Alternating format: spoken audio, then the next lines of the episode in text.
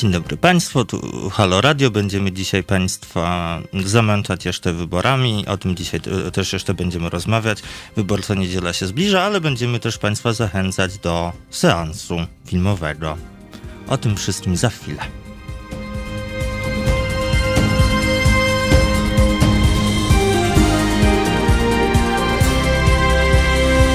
Halo Radio. Państwu, Emilia Wiśniewska. I Bart Staszewski. Miło mi Was wszystkich słyszeć. Obserwujemy Facebooka, obserwujemy YouTube'a, już się ładują no tak. te nasze kanały. Za chwilę będziemy się witać ze wszystkimi, którzy tutaj nas e, zaszczycili swoją obecnością w personie, że tak powiem.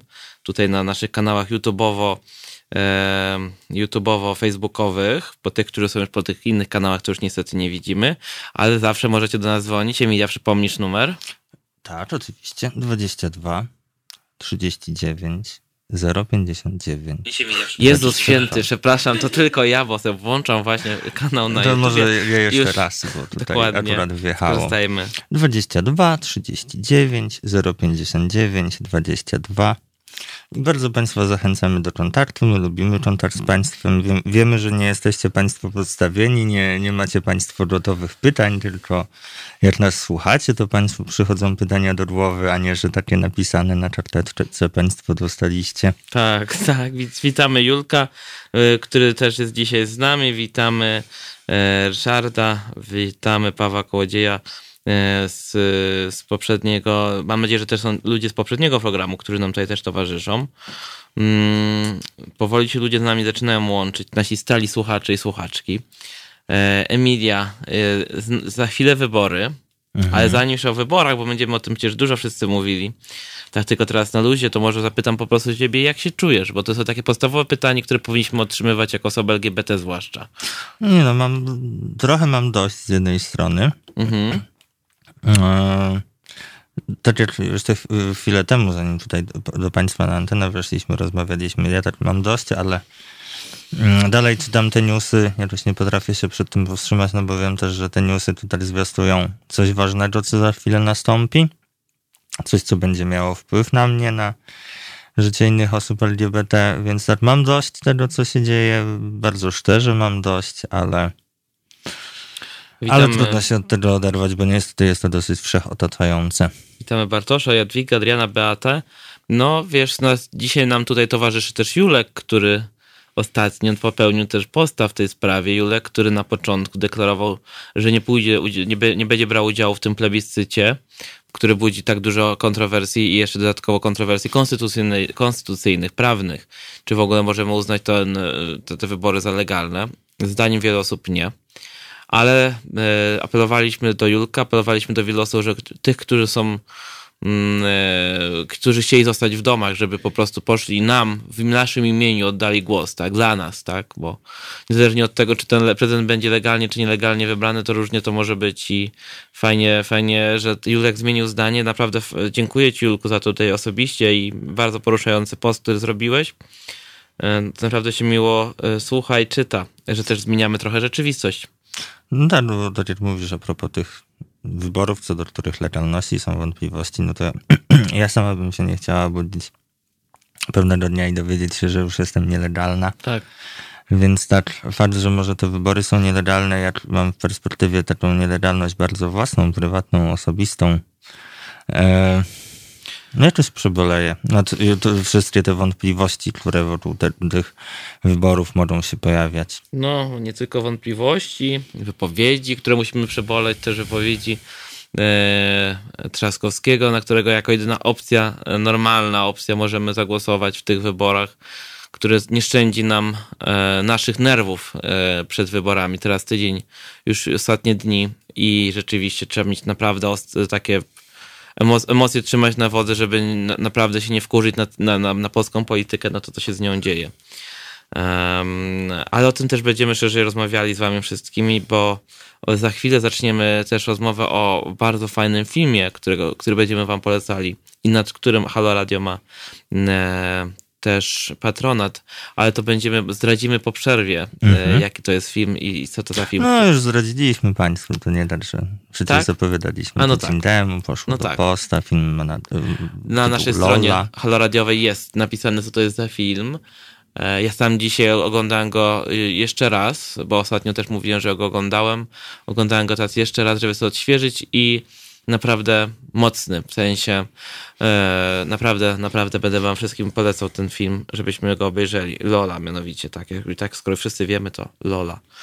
Um, ale jeszcze wracając na chwilę, na chwilę, e, Emilia e, Chyba, że, że, że, rzeczywiście za chwilę przejdziemy już do tego filmu, bo nie wiem, czy do naszej słodkiej rzeczywistości, która nas otacza, możemy coś jeszcze dodać, bo o, ja mam same przykre my... jakieś takie newsy, które mi przychodzą do głowy, niestety. Myślę, że bardzo dużo możemy dodać. Myślę też, że Państwo macie coś do dodania, bo my tutaj. Myślę, że jesteśmy w blocza startowych, żeby też tak, jeżeli Państwo macie jakieś swoje wątpliwości, czy obiekcje, czy się zastanawiacie nad sensem tej wyborczej niedzieli, to my tutaj chętnie jakoś tak. z Państwem w dialog wejdziemy na ten Oj, temat. Tak, z chęcią możecie dzwonić, dzielić się swoimi wątpliwościami, zwłaszcza tych, y, tymi, którzy możecie mieć w obliczu tego, żeby w ogóle na przykład nie iść do wyborów, bo takie też są głosy. E, będziemy Was zachęcać, żebyście poszli, oddali głos na, e, na nie Dudę, e, bo już nawet nie chodzi o to, że musi nam się Trzaskowski podobać, czy E, partia, którą reprezentuje, koalicja, po prostu każdy głos przeciwko miłościwie nam panującemu prezydentowi będzie lepszym głosem niż ten e, nieoddany. E, więc tak, będziemy czekać na Was. Tak, jeszcze z takich pozytywnych newsów, bo jednak ten przeszedł mi i zapomniałem o nim powiedzieć, a warto o nim powiedzieć, bo tak krótko po prostu. To chodzi oczywiście o, o to, że Trybunał w Strasburgu podjął prawie 16, kilkanaście spraw, które E, czekały w zamrażarce przez lata. E, były chyba na skargi na przewlekłość, co jest dosyć standardowe, jeżeli chodzi o, o e, Trybunał w Strasburgu. E, pierwsza to Katarzyny Formeli, e, Katarzyny i Sylwii Formeli z 2010 roku sprawa, która teraz wypłynęła. Chodzi o bardzo proste sprawy życiowe, o podłączenie partnera pod ZUS. Ja już nie chcę wchodzić w szczegóły, żeby tutaj przypadkiem nie pomylić się przy czym, ale między innymi chodzi też o przyznanie zasiłku opiekuńczego, objęcie darowizny ulgą podatkową czy wspólnego opodatkowania. Takie naprawdę życiowe rzeczy, które ułatwiłyby e, chociażby te związki partnerskie, o które lata temu apelowaliśmy, a które dla polityków zawsze były były tematem zastępczym. Powinniśmy nosić takie t-shirty, temat zastępczy, a dzieci osób LGBT powinny nosić taki mały temat zastępczy, rozumiesz, w zależności od rozmiaru. Temacik. Tak, temacik zastępczy. Yy, więc, Zastępcusieńki. Wiesz, takim haloradiem, wiesz, logo może. Muszę pomyśleć, że tak ironicznie podejść do tematu. Ale tak, przed lata to był temat zastępczy. No i teraz Trybunał w Strasburgu yy, jednym hurtem to odmraża. To też pewnie jest jakiś sygnał do Polski, że to będzie teraz na kanwie. Mm, I zobaczymy, bo to, to oczywiście jest to tylko odmrożenie, pokazanie, że te sprawy wchodzą na wakandę, ale jeszcze nic się w nich Y, w tym temacie nie dzieje. Ale to jest no, jakiś ale pozytywny też sygnał. W ten sposób sytuacja się zmieniała we Włoszech, że Włochy zostały właśnie przyciśnięte w podobny sposób, jak to się teraz zaczyna w przypadku Polski, bo w obrębie tak zwanej starej Unii, y, już takie sformułowanie, które może się trochę rozmyło przez lata, w obrębie starej Unii Włochy przez wiele lat były jedynym państwem, które nie miało a przynajmniej jednym dużym państwem, które nie miało e, jakichś rozwiązań dla osób LGBT na formalizacji jednopłciowych związków. No, to jest z pewnością jeden z tych aspektów. Drugim jest to, że no, myślę o tym jednak bardzo, bardzo intensywnie, że mamy prawie 92 albo 3, mogę się mylić, wyroków Strasburgu, które nie były wprowadzone, zrealizowane w Polsce. Oczywiście rekompensatę wypłaciła Polska ofiarom e, procesów, mam na myśli tych, którzy, którzy wygrali te procesy, e, ale nie zmieniła prawa, co było zawsze jednym z postulatów Strasburga, czyli że poza wypłaceniem rekompensaty zadośćuczynienia odszkodowania należy zmienić prawo tak, żeby ta druga, ta, ta rzecz się nie wydarzyła. No, z tego co wiem, to jest kilkadziesiąt wyroków, prawie 90, które nigdy nie zostały zrealizowane, nigdy się nic w Polsce nie zmieniło. I podobnież może być tu, że tak, te osoby wygrają, e, ale polskie prawo, prawo się w tej kwestii nie zmieni. Będziemy płacić karę, będziemy płakać i płacić z naszych przecież też podatków, e, ale też wierzę w to, że jest w tym jakiś wyższy sens, no bo to jest cały, cały temat litygacji strategicznej że zmieniamy prawo, tak, że puszujemy, e, pokazując to, tę nieuczciwość prawa, tak, które w tym momencie dokładnie istnieje. wykazując tego, że jest jakaś luta w prawie bardzo poważna. I tutaj bardzo się kłania wtedy właśnie Unia Europejska, która może nam pomóc w tej kwestii i nas podratować, a nie być tylko taką skarbonką, do której dokładamy i wyjmujemy, dokładamy i wyjmujemy i generalnie nie nosi żadnych e, większych wartości, bo tak, takie, takie odczucia przez lata moglibyśmy mieć. I teraz jest wielki test Unii Europejskiej, więc to jest jeżeli chodzi o Strasburg, chyba że ty Emilia chciałabyś coś dodać. Tutaj ktoś, ktoś, Bożena, nasza Bożena pisze. E, najlepsze jest to, że odpowiedzialność tak zwana podatkowa ciąży na partnerach prowadzących wspólne gospodarstwo, natomiast w przypadku chęci skorzystania z ulgi podatkowej to odpowiedzialność się rozmywa, jak dobrze, bo to już nie widzę do końca komentarza, ale bo nie mam go przed sobą, tylko czytałem z ekranu. Mm, ale... Ta okoliczność nie jest uznawana. No tak, no, to, no tak. My, znaczy, ruch LGBT nie podnosi specjalnie już tych kwestii, bo uznaliśmy wszyscy chyba, wszystkie organizacje, że nie ma co mówić o tych podatkach i innych rzeczach e, na co dzień, bo, bo to jest po prostu temat już tak mm, jakby to nazwać, techniczny, że na ludzi to nie robi większego wrażenia. Mi się wydaje, że podstawą tych postulatów jest po prostu to, że chcemy normalnie żyć, jak wszyscy inni i tyle. Oczywiście to są właśnie te kwestie, gdy sobie już prześwietlimy te związki partnerskie czy małżeństwa, co się dzieje w sytuacji, gdy ich nie ma, tak? Czyli ta prawdziwa nieuczciwość państwa wobec nas. Tak, do tego też jeszcze za chwilę myślę możemy wrócić. Chwilowo Państwu zaproponujemy muzykę na złodzenie obocaju w tym nieprzyjemnym, gorącym, przedwyborczym tygodniu. Łagodzić Państwa obyczaje będzie towarzyszyć Weather With You, Crowded House. I słyszymy się, proszę Państwa, za kilka minut. Przypominam tym z Państwa, którzy nas słuchacie przez YouTube albo Facebooka, że przez tych kilka minut nie będziecie Państwo niestety nic słyszeć, ale potem z powrotem usłyszycie Państwo nas. To jest powtórka programu. Halo Radio.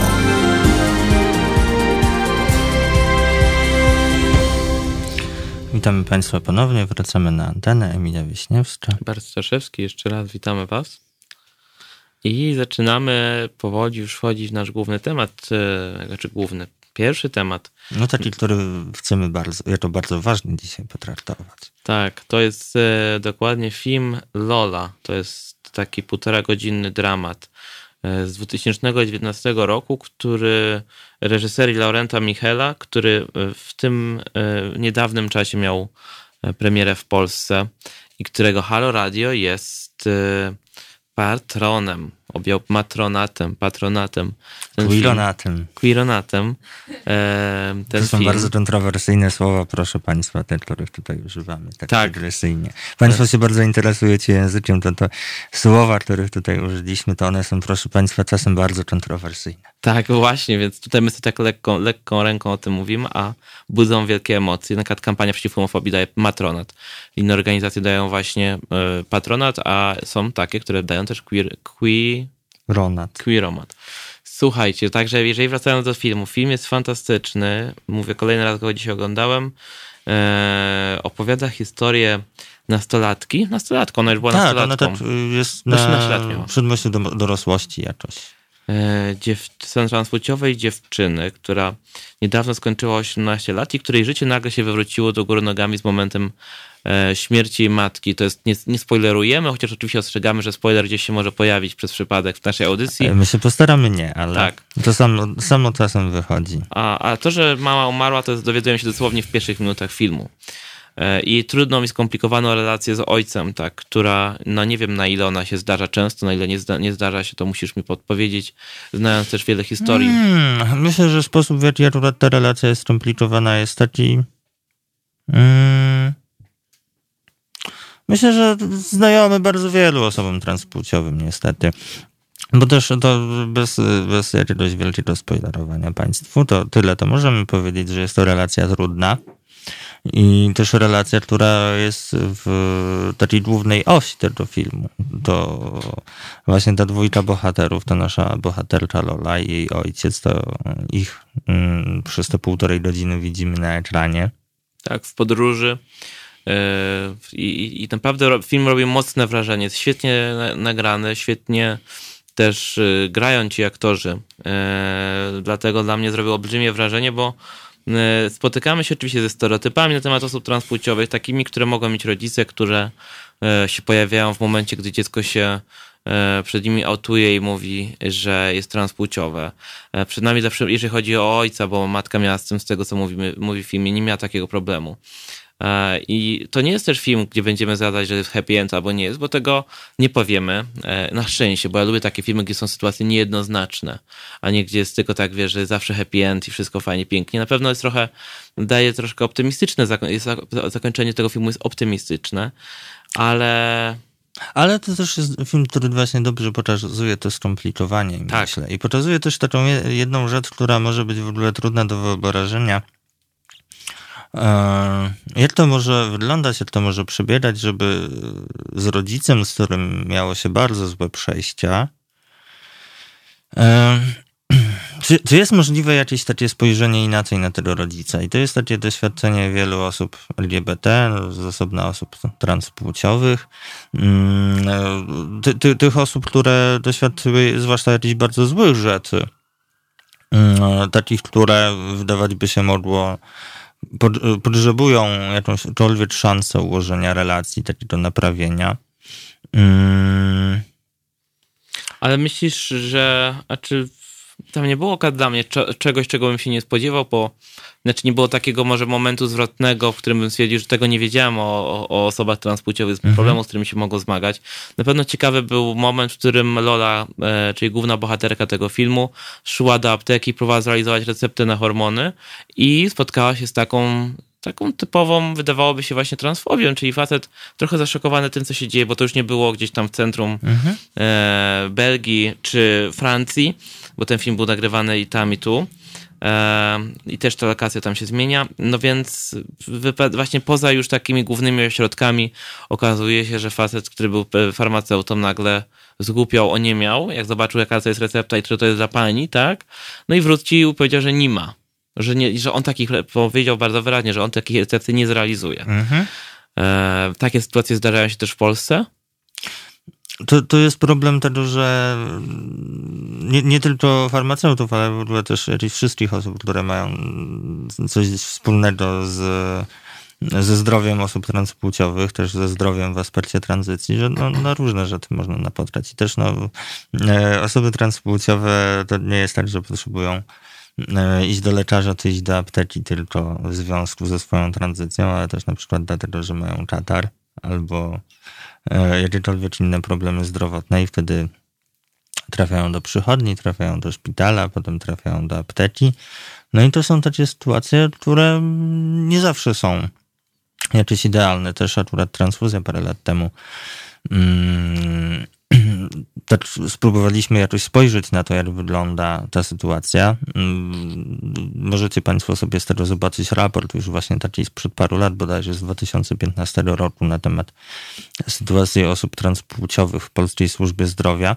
No, służba Zdrowia, farmaceuci, no to trochę no, oczywiście też są inne światy, no natomiast zawsze to są jakieś takie sytuacje, które potencjalnie mogą być stresujące dla takiej osoby transpłciowej, która idzie się zetknąć z kimś, kto go nie zna, nie zna jego podejścia.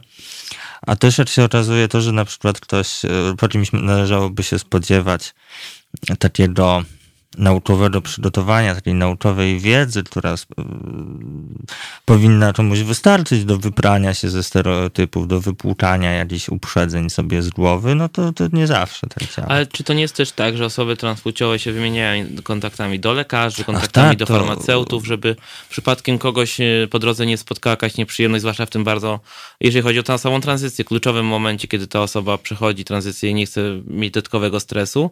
Ach tak, no to oczywiście to jest jakieś wielkie szczęście, że nie, nie, nie, trzeba być, e, po prostu lądować na głęboką, na głębokiej wodzie jakoś zupełnie po tylko też można się dowiedzieć, jak wygląda rzeczywistość, z jakimi, jakich specjalistów ma się do wyboru, żeby też e, mieć jakąś szansę mm, mm, wybrania takich, którzy podchodzą do swojej pracy rzetelnie, też kierują się jakąś etyką zawodową. Bo to jest 18-latka, która jest w trakcie tranzycji. Ona już ma umówioną operację, ona mhm. jest po tych, nie wiem jak wygląda procedura w Belgii, może ty wiesz. E, no wygląda tak, że zdaje się, że w tej chwili już Belgia nie ma obowiązkowej sterylizacji, natomiast wcześniej, proszę państwa, to, to już to historia pokazana w tym filmie, zdaje się, tej historii to, to, to już ta miniona rzeczywistość prawna nie dotyczy, natomiast wcześniej do korekty płci prawnej była wymagana sterylizacja, czyli yy, zabiegi operacyjne. Tak, to tam ta jedna z pielęgniarek opowiada o całym tym procesie, jak on będzie wyglądał i wymienia właśnie sterylizację, kastrację. Nie wiem, czy one się różnią. Musiałabyś może im podpowiedzieć, czy jest różnica? Mm. Bo tam pada słowo kastracja, jeśli dobrze pamiętam. Tak, yy, pada słowo kastracja.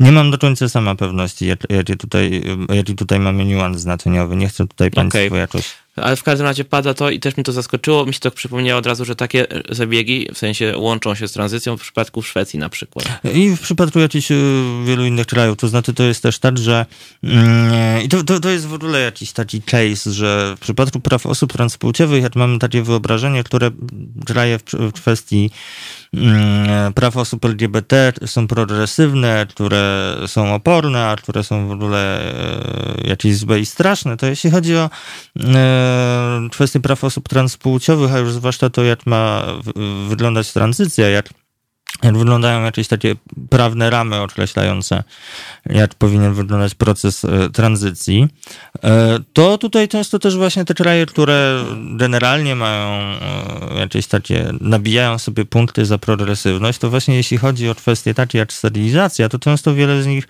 mm, zostaje z tyłu. No i jest to jakaś kwestia Mm, bardzo poważna, no bo pomyślcie sobie Państwo, no to jest jakieś takie bardzo poważne naruszenie praw człowieka, tak mówiąc takim prawno-człowieczym językiem, ale też jakiejś takiej Mm, integralności i samostanowienia, no bo w tych iluś państwach e, poddanie się sterylizacji jest warunkiem umożliwienia sobie transpłciowej funkcjonowania w pełni zgodzie ze swoją tożsamością, to znaczy też posiadania papierów, dokumentów, e, imienia w dokumentach zgodnego z tożsamością osoby.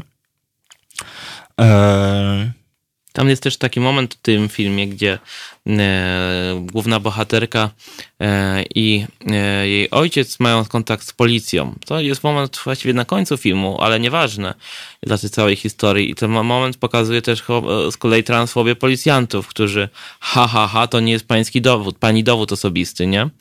No i to jest właśnie ta relacja, czyli że nasza, e, nasz outlook, nasz wygląd nie, nie, nie, nie, nie, nie, nie schodzi się z tym, co jest w dowodzie osobistym, który jest przed, jest przed tranzycji, tak? E, a nawet nie trzeba być przecież w trakcie tranzycji, żeby on się po prostu różnił. No i ten spotkanie z organami wyobrażam sobie, że może być traumatyzujące, jeżeli w ogóle kiedykolwiek wcześniej mieliśmy spotkanie z policją.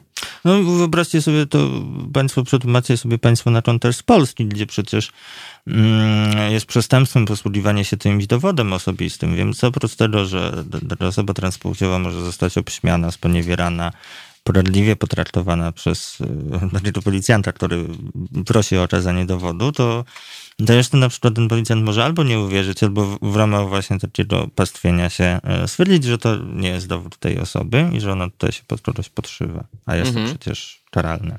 Tak, i sobie wyobrazić to, że to jest częste, częste, nieczęste, że to się zdarza, bo no policja nie jest specjalnie w ten sposób szkolona. Są na pewno, nie wiem, czy transfuzja prowadziła takie szkolenia dla policji.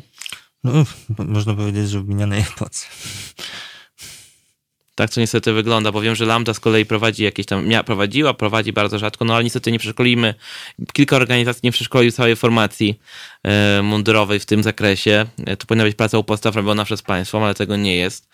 E, I tak, to jest jeżeli chodzi o ten film, e, co, mno, co mną jeszcze e, tak wstrząsnęło, mnie wstrząsnęło, ale zaskoczyło, to kwota, jaką musiała zbierać Lola na operację, na ten szereg operacji, bo to nie chodziło tylko o jedną, ale o szereg operacji, to było, jeśli dobrze pamiętam, 4200 euro. Coś chyba nawet, wydaje mi się, że w okolicach 5000. No to są mhm. kwoty, no nie wszędzie są to kwoty dosyć zawrotne, nie, nie, nie, nie szczególnie dostępne dla większości ludzi, a jeśli już to wymagające przymontowania sobie całego życia pod kątem tego, żeby być w stanie na przestrzeni iluś lat e, takie pieniądze uzbierać. A czy to nie jest też tak przypadkiem, że e, tam są też takie pytania, a czy jak, może zaraz, bo mam kolejne pytanie w głowie, ale to może bym jeszcze chciał uzupełnić. Jak myślisz, i, jakie są to kwoty w Polsce, jeżeli chodzi o osoby, e, które szukają tego typu e, możliwości, jeżeli chodzi o tranzycję? Mm. Jeżeli chodzi o takie operacje, no to są rzędy dziesiątek tysięcy. Jeżeli na przykład... W Polsce e, przeprowadzone? Tak, e, na ile ja się tutaj do, jakoś orientuję dokładnie, też e, całkiem dokładnie Państwu nie przybliżę, no też są to kwoty w jakichś widełkach. Wiem dokładnie, akurat wiem, że rekonstrukcja klatki piersiowej u transpłciowych mężczyzn to jest przedsięwzięcie rzędu kilkunastu tysięcy złotych, tak powiedzmy 16-17. A jak myślisz, jak wynika z Twojego doświadczenia też z kontaktów z ludźmi, jak oceniają Polską Służbę Zdrowia pod przygotowanie do tego typu y, sytuacji? Hmm.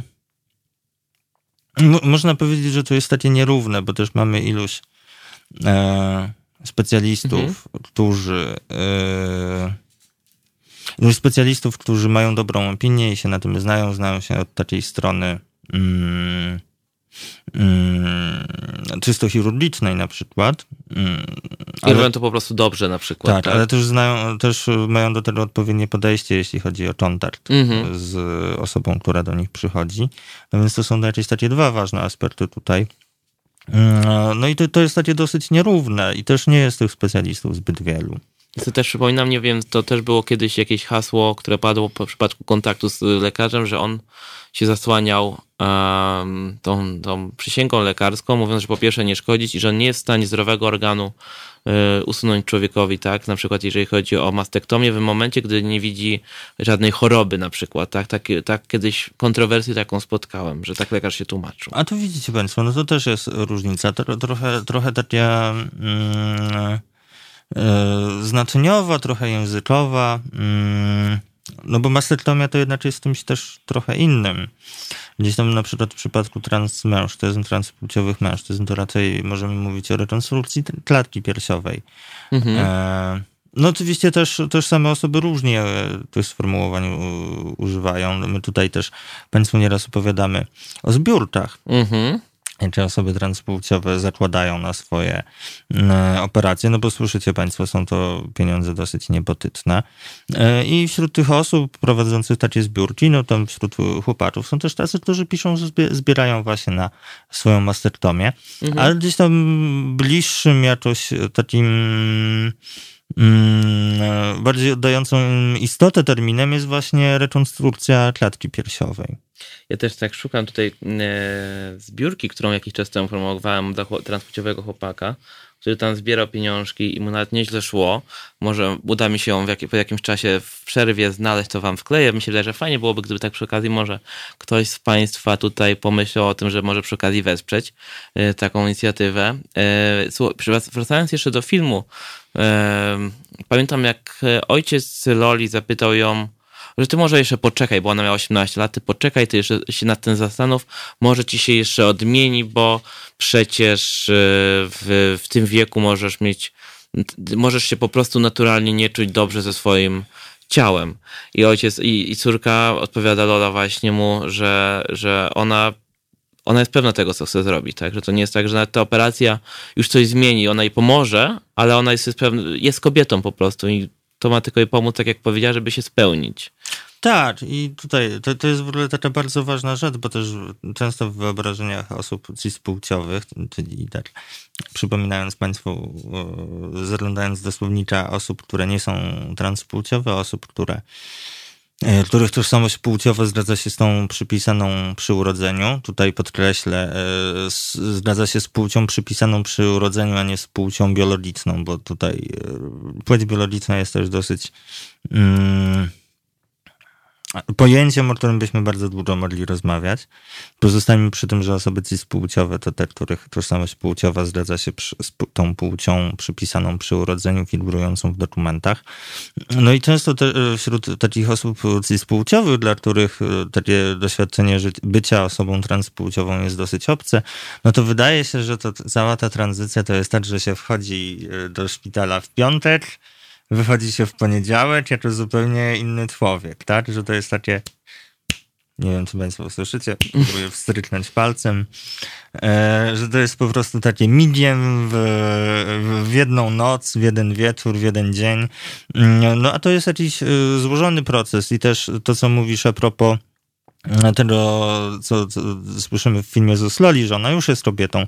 No, na tym to też, na tym to też jest jakąś e, ważną rzeczą i też ważną rzeczą z takiej perspektywy e, bycia dobrymi sojusznikami. E, żeby widzieć w osobach transpłciowych to, kim one są, niezależnie od tego, co robią, na jakim etapie tranzycji są i czy w, I ogóle, w ogóle są. I tak, czy de decydują się w ogóle na jakieś i na jakie kroki mhm. związane z tranzycją medyczną.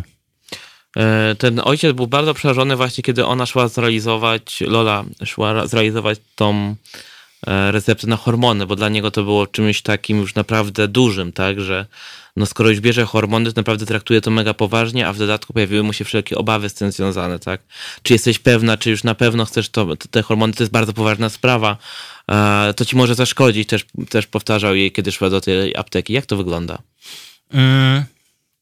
Wygląda tak, że wymaga to e, dobrego prowadzenia i tym się, e, to nie jest tak, że tutaj w procesie tranzycji powinien uczestniczyć, czy może towarzyszyć osobie transpłciowej tylko seksuolog i psychologowie i tak dalej, tylko też bardzo ważne, e, bardzo ważne miejsce powinien tutaj zajmować endokrynolog, tranzycji e, powinny, powinny towarzyszyć odpowiednie badania, też takie pozwalające mm, znać, ocenić e, stan zdrowia i gospodarkę hormonalną osoby na starcie, jeszcze przed rozpoczęciem hormonalnej e, terapii zastępczej.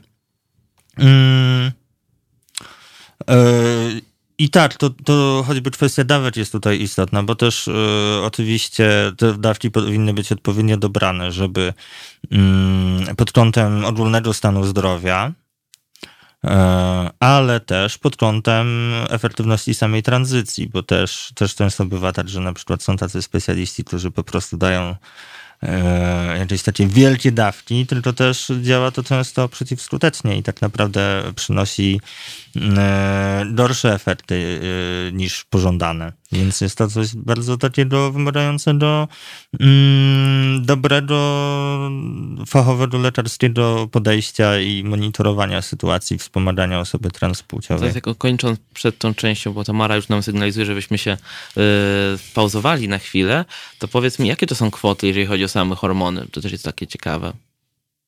Czy to są drogie leki? Trudno mi w tej chwili dokładnymi e, kwotami e, tutaj ci rzucić. E, też, też, też jest to kwestia nie tylko samych kwot, ale też mm, jeszcze, jeszcze tego, jakie to są leki, no mhm. bo generalnie mamy taką sytuację, w której mm, zmieniają się tutaj generacje tych preparatów stosowanych w hormonalnej terapii zastępczej. Powiedzmy, że w różnych krajach wchodzą już takie nowoczesne. Mamy jakieś lepiej pomyślane, mm, mm, lepiej pomyślane kompozycje tych mhm. preparatów. No, nie zawsze dostępne w Polsce. Tak, tak, dokładnie. Więc to też nie tylko cena jest tutaj kwestią, ale również to. Dostępność. Y, słuchajcie, to może zrobimy chwilę przerwy i za chwilę wrócimy do dalszej rozmowy. Tak, jeszcze, jeszcze tylko Państwu powiemy a propos filmu, gdzie to możecie Państwo zobaczyć, bo to chyba ważne, skoro go reklamujemy.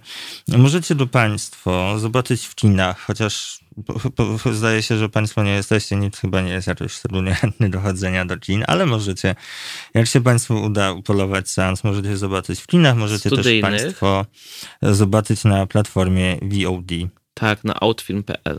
E, a przekierowanie na, na te platformy znajdziecie Państwo e, pod linkiem, który na naszym facebookowym poście dzisiaj wylądował, w poście zapowiadającym naszą audycję. Jeszcze tylko dodam, że to pojawił się w komentarzach link, który dodałem na Facebooku, bo na YouTube jest blokada linków. E, jeżeli byście chcieli wesprzeć Gabriela, który zbiera na operację, to jest to link na Facebooku pod naszą e, transmisją live'ową. Tam można kliknąć i wesprzeć. A teraz zapraszamy Państwa na kawałek What This Way Aerosmith. Słuchajcie powtórki programu.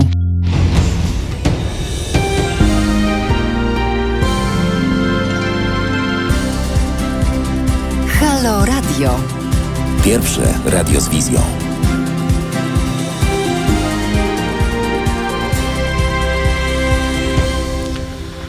Wieczór Państwu, wracamy do Państwa, Emilia Wiśniewska. Bart Staszewski i rozmawiamy o filmie Lola, belgijsko-francuskim dramacie pod reżyserią Laurenta Michaela, e, który opowiada historię transpłciowej nastolatki, która ma 18 lat i której umiera mama i trudna relacja z ojcem właściwie jest taką opowieścią o relacją z rodzicach, o, o relacji z, z rodzicami transpłciowych nastolatków. E, która naprawdę jest pouczająca i znowu będziemy was namawiali, wszystkich, którzy nas słuchają, żebyście go obejrzeli, czy na VOD, bo jest na internecie, jak wpiszecie sobie film Lola, na pewno wyskoczy wam jedna z platform, bo to jest outfilm.pl, jeśli dobrze pamiętam, która ma e, ten film pod swoimi skrzydłami, lub kina studyjne, które ten film niedawno zaczęły e, puszczać, taki półtora godzinny dramat.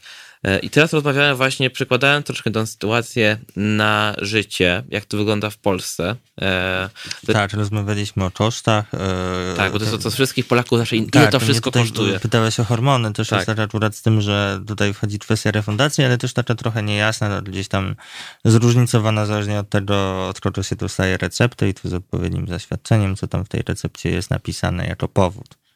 No i do tego dochodzą jeszcze te wszystkie inne rzeczy, czyli konsultacje, e, no, wyobrażam Zaświadczenia, sobie, opinie, to już też na etapie Każdy sądowym. musi swoje pieniądze wziąć, A. każdy lekarz musi tam swój zastępelek, e, za kliknięcie tym stempelkiem też e, kasę wziąć. No, Opłaty sądowe jakieś. Tak, są opłaty sądowe. Już nie pamiętam jakie No bo tak, po co trzeba pozywać jeszcze. No właśnie, to jeszcze Ach, może tak, wróćmy. Tak, no, przypominam Przypomnijmy proszę. właśnie tak. o tym najważniejszym, bo to zanim do tej operacji dojdzie. Proszę, proszę Państwa, żeby osoba transpłciowa e, mogła liczyć na korektę płci prawnej, na uzgodnienie płci prawnej, to musi pozwać swoich rodziców na podstawie złego ustalenia płci przy urodzeniu. Jak taki proces wygląda? No tak, że ci rodzice mogą Lepiej to trzeba w ogóle pójść do, wnios- do sądu, wnieść opłatę, podejrzewam. Tak, e, no też e, czasem się dosyć długo czeka, to oczywiście zależy od sądu.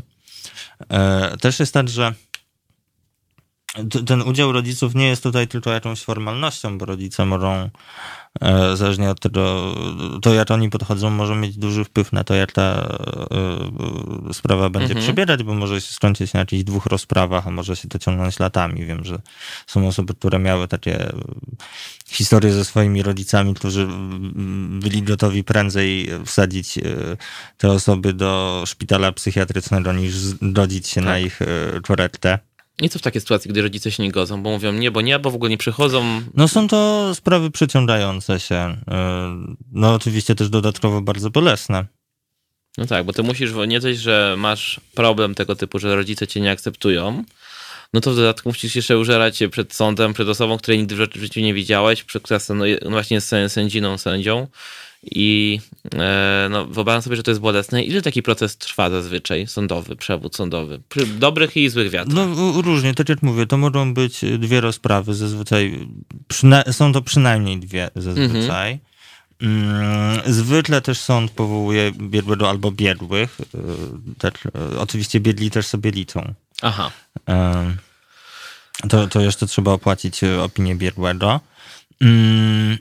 No a kwestia tego, w jakich widełkach czasowych są te dwie rozprawy, no to już jest dosyć mocno uzależniona od tego, właśnie jak sprawy w danym sądzie Pół wyglądają. Pół roku, rok, może to być No, tyle. można też pół roku czekać na pierwszą rozprawę. Albo powołanie biegłego, bo może nie mieć terminów i tak dalej. Wyobrażam sobie, że to wszystko od siebie zależy gdzieś. A, a jeszcze jest tutaj taka y, sprawa, która chcia, chciałam powiedzieć, że zabawna, no ale właśnie ona nie jest zabawna. Bo wiecie państwo, rodzice są tej stroną. Mhm. To znaczy, że mają prawo wglądu tutaj do wszelkich papieżystw związanych tutaj z tą sprawą. Czyli na przykład do opinii biegłego. Opinii biegłego, w której biegły notuje e, szczegóły życia seksualnego osoby, o jakichś się dowiedział w trakcie mhm. rozmowy z tą osobą i potem ta opinia przychodzi pod tą do rodziców z tymi szczegółami. Czyli totalnie system Czyli tego nie przewidział. przewidział, nie przewidział. System może miał to gdzieś po prostu. No, tak. Jest też tak, że um, um, no jest to jakieś takie naruszenie prawa do prywatności. No i tajemnicy lekarskiej, która powinna być pomiędzy lekarzem, czy ewentualnie tym biegłym. Nie wiem, jaka tam jest w przypadku tego rodzaju sytuacji tajemnicy, no ale to jest coś totalnie obrzydliwego i niewyobrażalnego, że tak bardzo się narusza czyjąś prywatność, bo to jest brak szacunku do tej osoby ale trwa ten proces ileś czasu, załóżmy, że te pół roku, rok, w zależności czy też to jest to dużym ośrodku typu Warszawa, czy w jeszcze mniejszym e, poza Warszawą. Wyobrażam sobie, że też sędziowie mogą nie wiedzieć, jak reagować w innych ośrodkach poza Warszawą i to się może przyciągać. Mamy już ten wyrok, którym jest co w takim przypadku? E, właśnie to stwierdzenie. Mm, Bo co tam, bo to pozywamy rodziców o... w- na podstawie złego ustalenia płci przy urodzeniu, więc potem jak już e, Aha, sąd że- stwierdza, że tak, że tutaj... W ten sposób. Tak, no rodziców, no niby powinno się lekarzy, nie? Tak, tak domyślnie. to lekarz, no to oni lekarz. mogą się pomylić, oni A w ogóle nie po co czegokolwiek pozywać? No można by to by inaczej zrobić. No jak już się ma ten, mm, ten glejt od sądu, to Mhm. idzie się z nim do, po kolejnych urzędach, wymienia się dokumenty. Okej. Oczywiście też jest jakimś A procesem. imię i nazwi no, nazwisko to już licho, ale imię, w którym momencie ono się zmienia? W tym Mm. momencie, jak już wiemy, że zmieniono, zmi- że doszło do tej pomyłki tak zwanej, że rodzice się pomylili, mamy ten glejt, idziemy do urzędu i w tym momencie wybieramy sobie sami imię. Tak, no bo też wcześniej, wcześniej też e, przed relatą płci prawnej e, zmiana imienia jest e, trudna, no, utru- utrudniona albo niemożliwa, no zależnie od tego, jak to ma na imię, jakim imieniem się posługuje, no bo urzędy stanu cywilnego, jeżeli stwierdzają, że o tutaj przychodzi osoba, która chce mieć tak na imię, Mhm.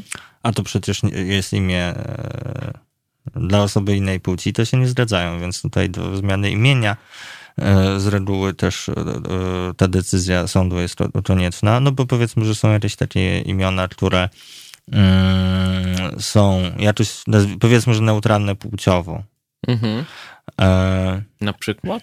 mm, Teraz mi też nie przychodzi żadny do głowy. no często wygląda to też tak, że są to imiona, które w jednym języku A, tak. e, są imionami męskimi, a w innym języku imionami żeńskimi. To nawet można to zrobić przez Urząd Stanu Cywilnego. Tak, tak, tak, tak. A powiedz mi, e, no i wtedy zaczyna się ten proces, bo jeżeli już nawet zmienimy e, sobie to imię, mamy też ten glejt sądu, to już jest naszą decyzją osobistą, czy my chcemy na przykład wchodzić w kwestie leków, tranzycji, czyli No też bo to możemy na tym etapie tak naprawdę zatrzymać, bo dzięki temu glejtowi możemy na pewno wywalczyć zmianę danych e, w urzędzie, tak? Poprawienie ich, ich korekty na takie, jakie powinny być od urodzenia. E, No, ale pytanie wtedy, wtedy możemy do, też podjąć decyzję, czy idziemy na te wszystkie. Znaczy też, e, jeżeli chodzi o to, co można zrobić po e, sprawie w sądzie, to można e, zrobić operację już na genitaliach, natomiast e, z reguły inne rzeczy zaczyna się już robić wcześniej, takie terapie hormonalne.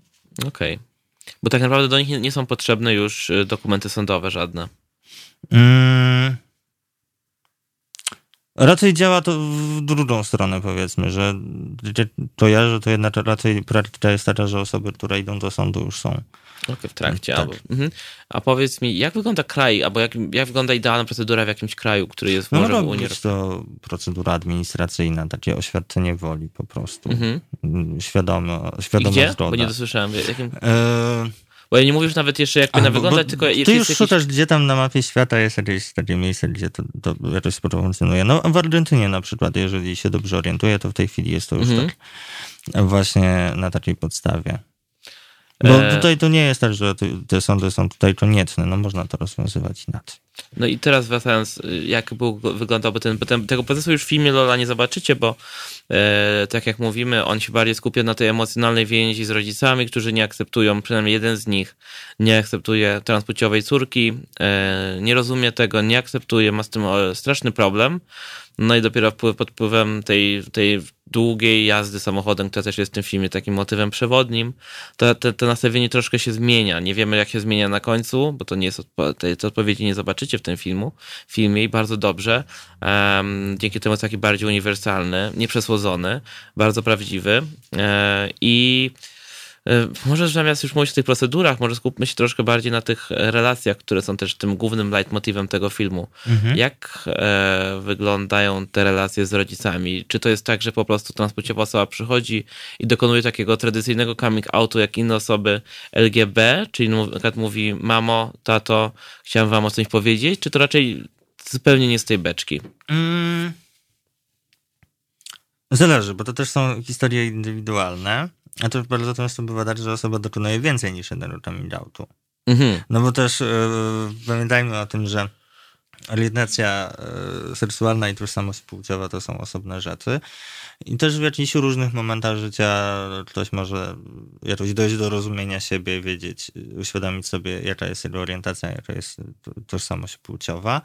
W różnych momentach też może dojść do takiej gotowości e, do zrobienia coming outu, na przykład przed rodzicami, więc to też są często historie, że wiele osób ma ileś coming outów przed, mhm przed e, swoimi rodzicami. I też tak jak e, to też dotyczy mm, płciowych osób LGBT, LGB, że mm, też na przestrzeni swojego życia jakoś dochodzą do różnego takiego pogłębionego rozumienia swojej seksualności, swojej orientacji, więc też to tak wyjaśniając może widzą, słuchaczom, no widzą też tych, którzy nas oglądają, bardziej tak obrazowo, czyli może się zdarzyć tak, że najpierw dziecko przychodzi i mówi o tym, że jest gejem, że jest lesbijką, że jest osobą biseksualną na przykład, a po jakimś czasie zaczyna sobie bardziej rozumieć, co się z nią dzieje, albo jak nazwać pewne sytuacje i swoje mhm. przeżycia i wychodzi na to, że jest osobą transpłciową. No tak, ale to wyobraźmy sobie cis-płciową osobę mhm. LGB. E, no ta osoba też na przykład może najpierw dojść do wniosku,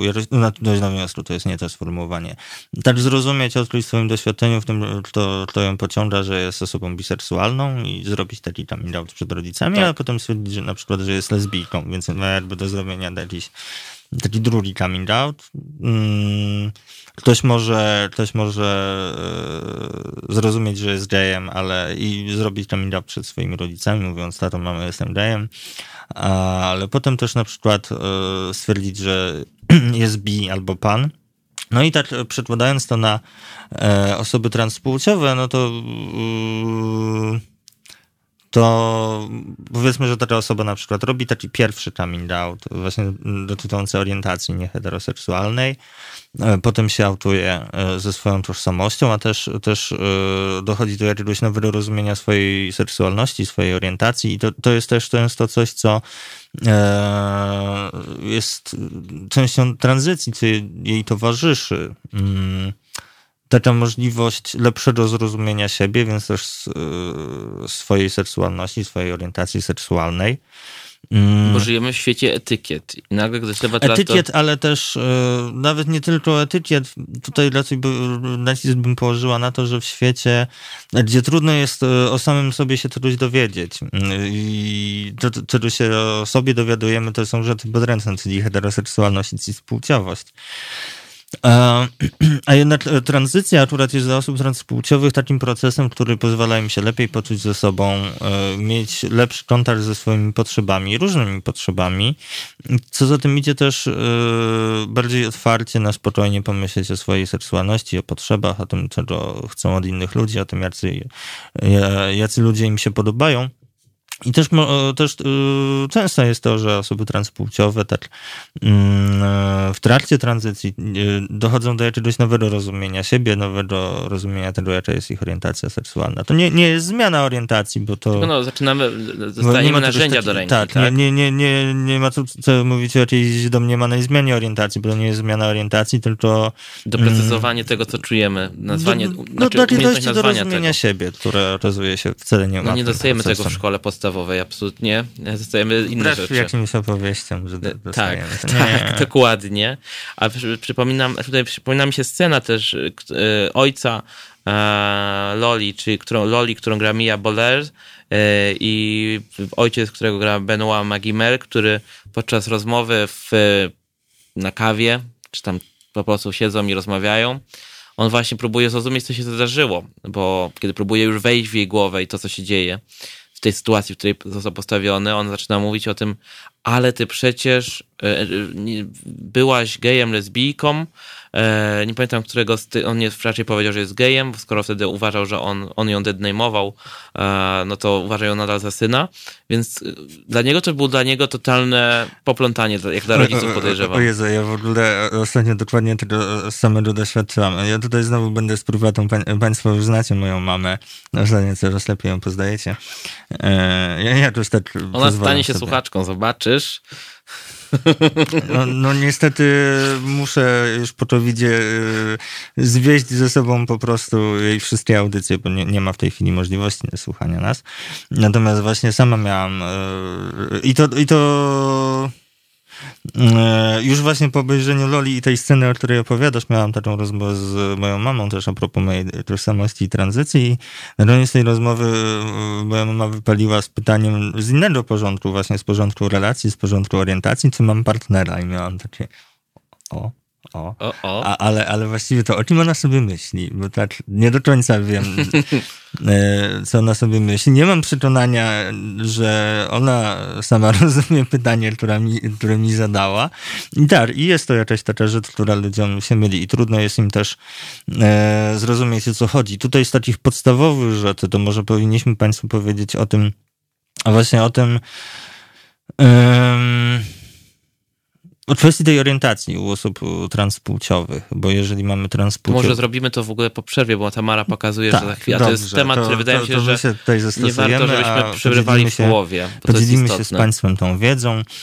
Więc teraz Państwa e, zostawimy z muzyczą. Jeszcze przed, e, przed muzyczą to Państwu pragnę przypomnieć o możliwości wspierania Haloradia stałymi wpłatami. Przypomnę też Państwu o możliwości wspierania e, kampanii Haloradia, e, kampanii pokazującej... Która jest za nami, za milion dokładnie, zrzutka.pl łamane przez kampania i za tak, też. Tak, e, macie Państwo możliwość wspierania zbiórki na tę kampanię billboardową. E, widzicie tutaj Państwo adres zrzutka.pl ukośnik kampania. E, więc zachęcamy Państwa do wsparcia też, żeby ta kampania mogła zagościć na polskich ulicach. A teraz na Cinta Minus zostawiamy Państwa z kawałkiem Nie masz cwaniaka nad Warszawiak. Słuchajcie powtórki programu.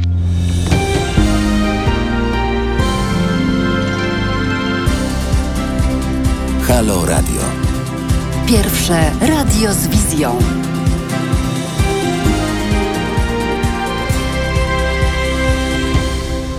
Dobry wieczór Państwu, wracamy do Państwa. Emilia Wiśniewska. Bart Staszewski, minęła 20, gdybyśmy tak nie, ktoś nie zauważył.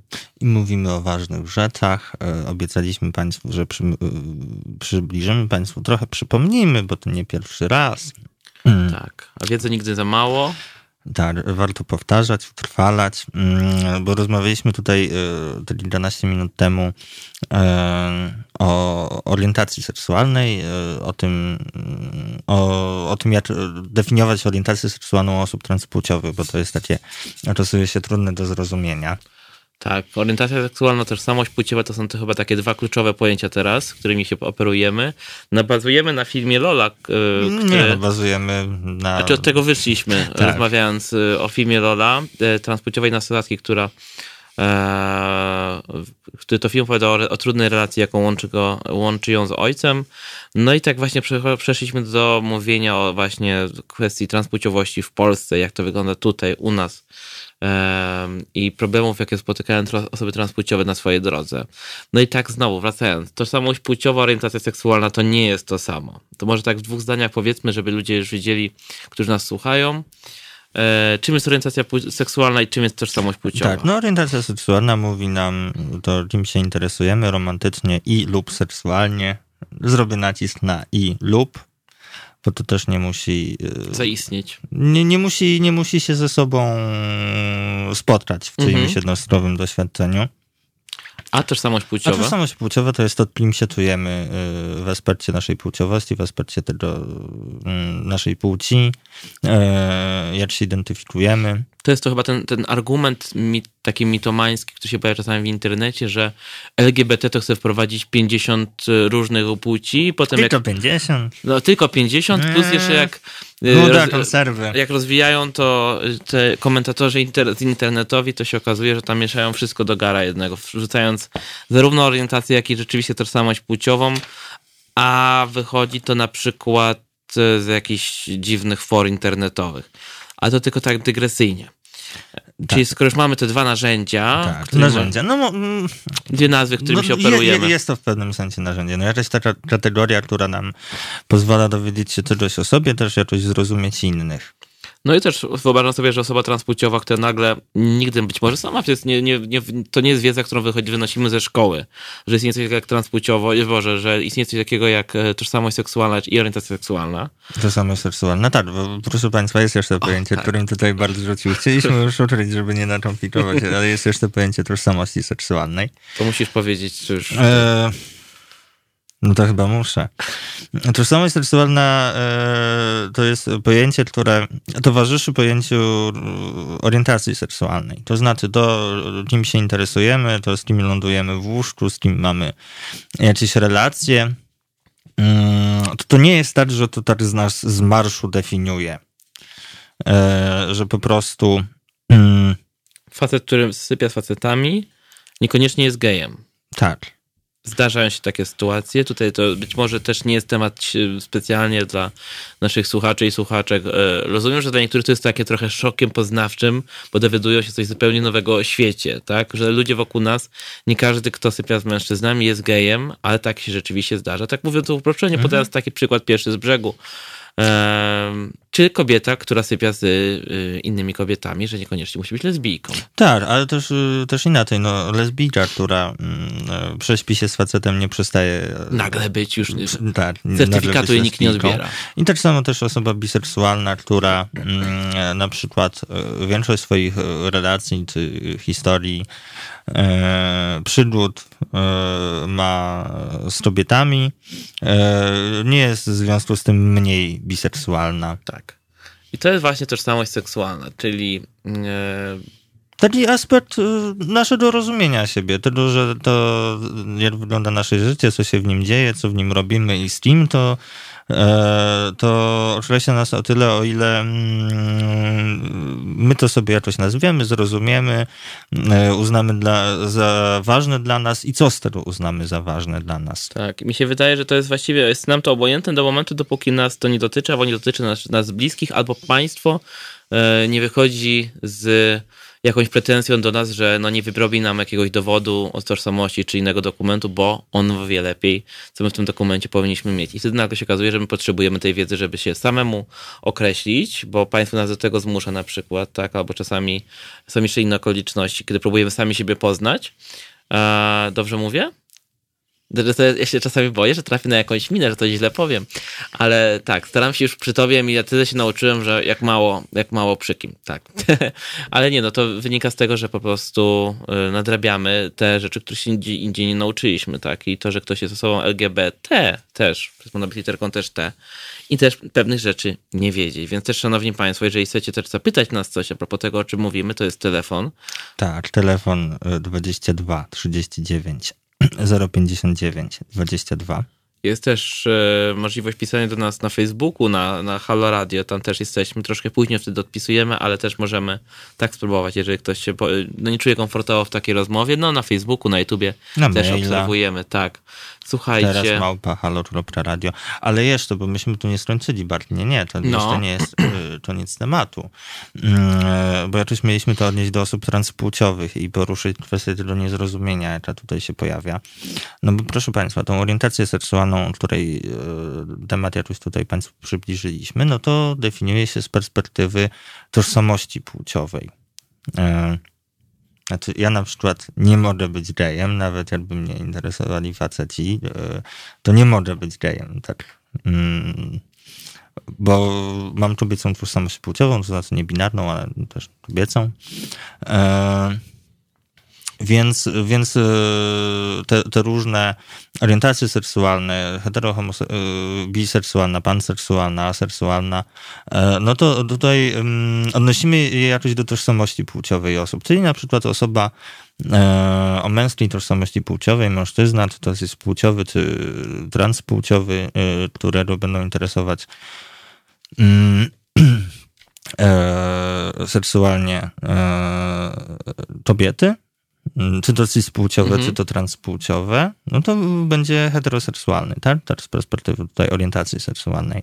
I to może też powodować wśród rodziców, podejrzewam sobie wyobrazić to, to, to że Przecież jemu się tak odmienia, od, zmieniało, zwłaszcza nastolatki, które są coraz bardziej świadome i poszukują tej wiedzy na temat swojej tożsamości. Mogą na początku się określać jako biseksualne, potem właśnie jako gej, lesbijka, osoba niebinarna po prostu, tak? Czy panseksualna na przykład, jeżeli chodzi o ten biseksualizm i panseksualizm, bo też o tym wspominaliśmy ostatnio Tak, razem. się tutaj zresztą... No to rodzice mówią, no przecież to jemu co chwila się zmienia, tak? Bo, bo, bo nie chcą wchodzić dokładnie, co to wszystko znaczy, a tak naprawdę po prostu chodzi o to, że ta osoba szuka swojej tożsamości seksualnej. Tak, i potrzebuje do tego też jakichś spokojnych warunków, to znaczy też takich, w których nie będzie y, się spodziewać, że mm, jakaś nowa rzecz na swój temat, jaką się podzieli, to będzie jakaś nowa wielka sensacja i trudność. No i na końcu spotykają się często z takim niezrozumieniem ze strony rodziców, tak? A wystarczyło, że, znaczy to, to wynika z tego, że po prostu musimy, mamy te ramy, w które próbujemy czasami bardziej lub z mniejszą większą chęcią się wpisać. Tak, wracając jeszcze na chwilę do tego filmu, który powoli chyba już też temat będziemy kończyć, e, bo też nie chcę wejść na jakiś temat spoilerów zbytnio, zdradzając szczegółów, a już powoli się nam kończą te szczegóły, e, które nie, moglibyśmy jeszcze nie podawać, więc tak sobie myślę o tym, e, czy, czy jest coś, bo większość z naszych słuchaczy to są osoby dorosłe, e, którzy często też mają dzieci. E, czy jest coś, co rodzice mogą zrobić, żeby ułatwić e, życie swoim ewentualnie transpłciowym nastolatkom, ewentualnie dzieciom, których jeszcze nie wiedzą, że są transpłciowe, coś, co może ułatwić, bo w przypadku zwykłego takiego też coming outu, jeżeli chodzi o orientację seksualną, to Zachować konsekwencje. Powiem tak, jeżeli deklarują, że będą kochać swoje dzieci mimo wszystko, nieważne co, e, no to niechże coming out ich dziecka nie zmienia ich podejścia w tej kwestii. Nie tylko takiego deklarowanego podejścia, bo to, że się czegoś kocha, to jeszcze e, tak naprawdę wiele nie znaczy. Może też znaczyć złe rzeczy. I czasami, przepraszam Państwa za słowa, ale czasami miłość to można od dupy potłuc. Więc to, że się kocha swoje dziecko, to jeszcze e, nie jest wieniec laurowy, tylko trzeba coś w związku z tym robić, odpowiednio, e, odpowiednio to przenieść na relacje ze swoim dzieckiem. Tak jest z tą tolerancją, że toleruję, już tego słowa, którego bardzo nie lubimy tutaj, czy szanuję albo akceptuję, ale, no i z tą miłością też różnie są bywa, tak, że kocham swoje dziecko, ale e, niekoniecznie zgadzam się z tak zwanymi jego wyborami. E, więc tutaj na pewno rozmowa jest takim jakimś kluczem. Tak, myślę, że jeszcze chwilkę e, się nad tym zatrzymamy. Teraz Państwa e, na sekundkę zostawimy i za moment do Państwa wracamy z tym ważnym tematem.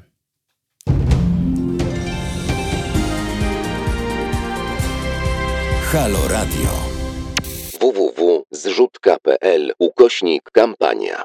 Każdego roku Kościół katolicki kosztuje nas, wszystkich, prawie 20 miliardów złotych. Wiele z tych pieniędzy płynie do Kościoła setkami kanałów dzięki setkom aktów prawnych tworzonych przez ostatnie 31 lat przez wszystkie rządy, by zapewnić sobie, jeśli nie przychylność, to choćby brak wrogości ze strony Kościoła. Najwyższy czas, żeby rozpocząć dyskusję nad tym, jak przeciąć publiczne kanały finansowania Kościoła i doprowadzić do sytuacji, w której to zadeklarowani wierni wezmą swój Kościół na własne utrzymanie. Zanim jednak uda nam się doprowadzić do normalności, musimy wzajemnie się informować. Musimy wiedzieć, jak wielka jest skala tego bezprawia w ramach ustanowionego patologicznego prawa. Wesprzyj zrzutkę na rzecz pierwszej takiej kampanii społecznej w Polsce – na www.zrzutka.pl ukośnik kampania. Siedem miast, dwa tygodnie ekspozycji na dużych nośnikach, a do tego zestawy billboardów mobilnych. Warszawa, Łódź, Kraków, Poznań, Katowice, Wrocław i Trójmiasto. www.zrzutka.pl ukośnik kampania. To ile kosztuje nas Kościół? No właśnie. Jesteśmy z Państwem z powrotem. Wiecie Państwo, ile kosztuje nasz kościół? No. Dowiecie się, jak wejdziecie na e, zrzutka.pl łamane przez kampania, to jest też za nami które, te plakaty. Znowu przypominamy, żebyście wspierali i nas jako, jako medium obywatelskie i kampanię, która jest za nami. Tak, możecie Państwo właśnie wspierać tą kampanię, możecie też samo Halo Radio Państwo wspierać mm, regularnymi, stałymi płatami. A jeszcze tak, bo zatrzymaliśmy się chwilę temu na temacie tego, co rodzice mogą zrobić. Mm. Czy, bo wiem, że rodzice mogą się obawiać, bo to jest rzeczywiście dla nich z ich punktu widzenia radykalna zmiana, że nagle dziecko zaczyna oczekiwać od nich wsparcia przy terapii hormonalnej, dowiadują się, że jeżeli chodzi o osoby transpłciowe, to że będzie jakiś proces sądowy i dla nich to jest nagle pewien proces, który muszą zacząć sami ze sobą. Tak, to w ogóle może być też myślę przerażające, bo jest takim pewnym e, naruszeniem tabu. To znaczy osoby transpłciowe nie decydują o tym, jak wygląda ich tranzycja. Natomiast no jednak mamy jakieś takie tabu.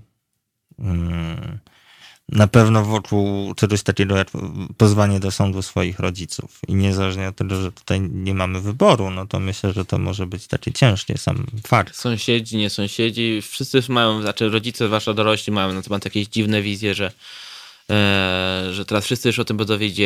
Ba, to nagle okazuje się, że 18-latek, 18-latka E, podejmuje decyzje, które są już takie naprawdę, wydawałoby się, no, znaczy to one zaważają na ich życiu? I, wy, i rodzice, którzy mają taką skłonność do paternalistycznego takiego podejścia do swoich dzieci, że oni tam jest szczylem, a to, że ma dowód osobisty, to jeszcze o niczym nie świadczy, a nagle się okazuje, że świadczy, plus to, że to dziecko chce, czy już młody człowiek, nie dziecko, dokonuje e, bardzo poważnych decyzji o swoim losie dalszym i, i swoim dalszym życiu. No więc wyobrażam sobie, że w takim, takim świecie, jakim jest Polska, gdzie troszkę się zawsze tych dzieciaków e, stawia na drugim, trzecim miejscu, w tej hierarchii rodzinnej ci na przykład dziadkowie, potem są rodzice, potem są dopiero dzieci i to, co dziadkowie właśnie, właśnie, czują i tak dalej, jest najważniejsze. ten, ten e, argument, że babcia zawału tak. dostanie. To tylko przy babci, to tylko przy babci się nie maluj, przy babci to bądź taki jak byłeś, byłaś, E, żeby się przypadkiem nie zawałowała. Tak, no i niby tak domyślnie, no to mamy, możemy się spodziewać, że właśnie jakieś starsze pokolenie będzie tak bardziej konserwatywne, będzie trudniej przyjmowało mm, na przykład taki transpłciowy coming out ich wnuków, ale często bywa też tak, że to dziadkowie się okazują jakimś, e, jakoś bardziej akceptujące i też często okazują się takim taką Wunderwaffe. E, w takim sensie Wunderwaffe, że też mm, e, mogą odegrać dużą rolę w,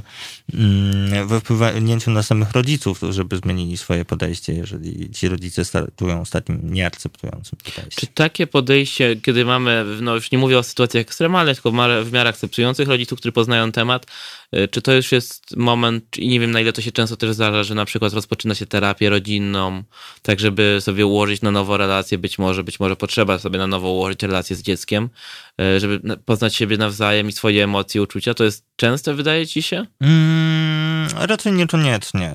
Też mm, inną rzeczą, która tutaj może być pomocna, jest też takie. Mm, jeżeli już mamy rodziców, którzy mają jakąś taką wolę akceptacji, może nawet jeszcze nie samą zbudowaną akceptację w sobie, a taką wolę zbudowania tej akceptacji, no to też ci rodzice nie muszą zostać sami. No na przykład transfuzja tutaj prowadzi na Poletku Warszawskim grupę wsparcia dla bliskich osób transpłciowych. To są w większości rodzice właśnie.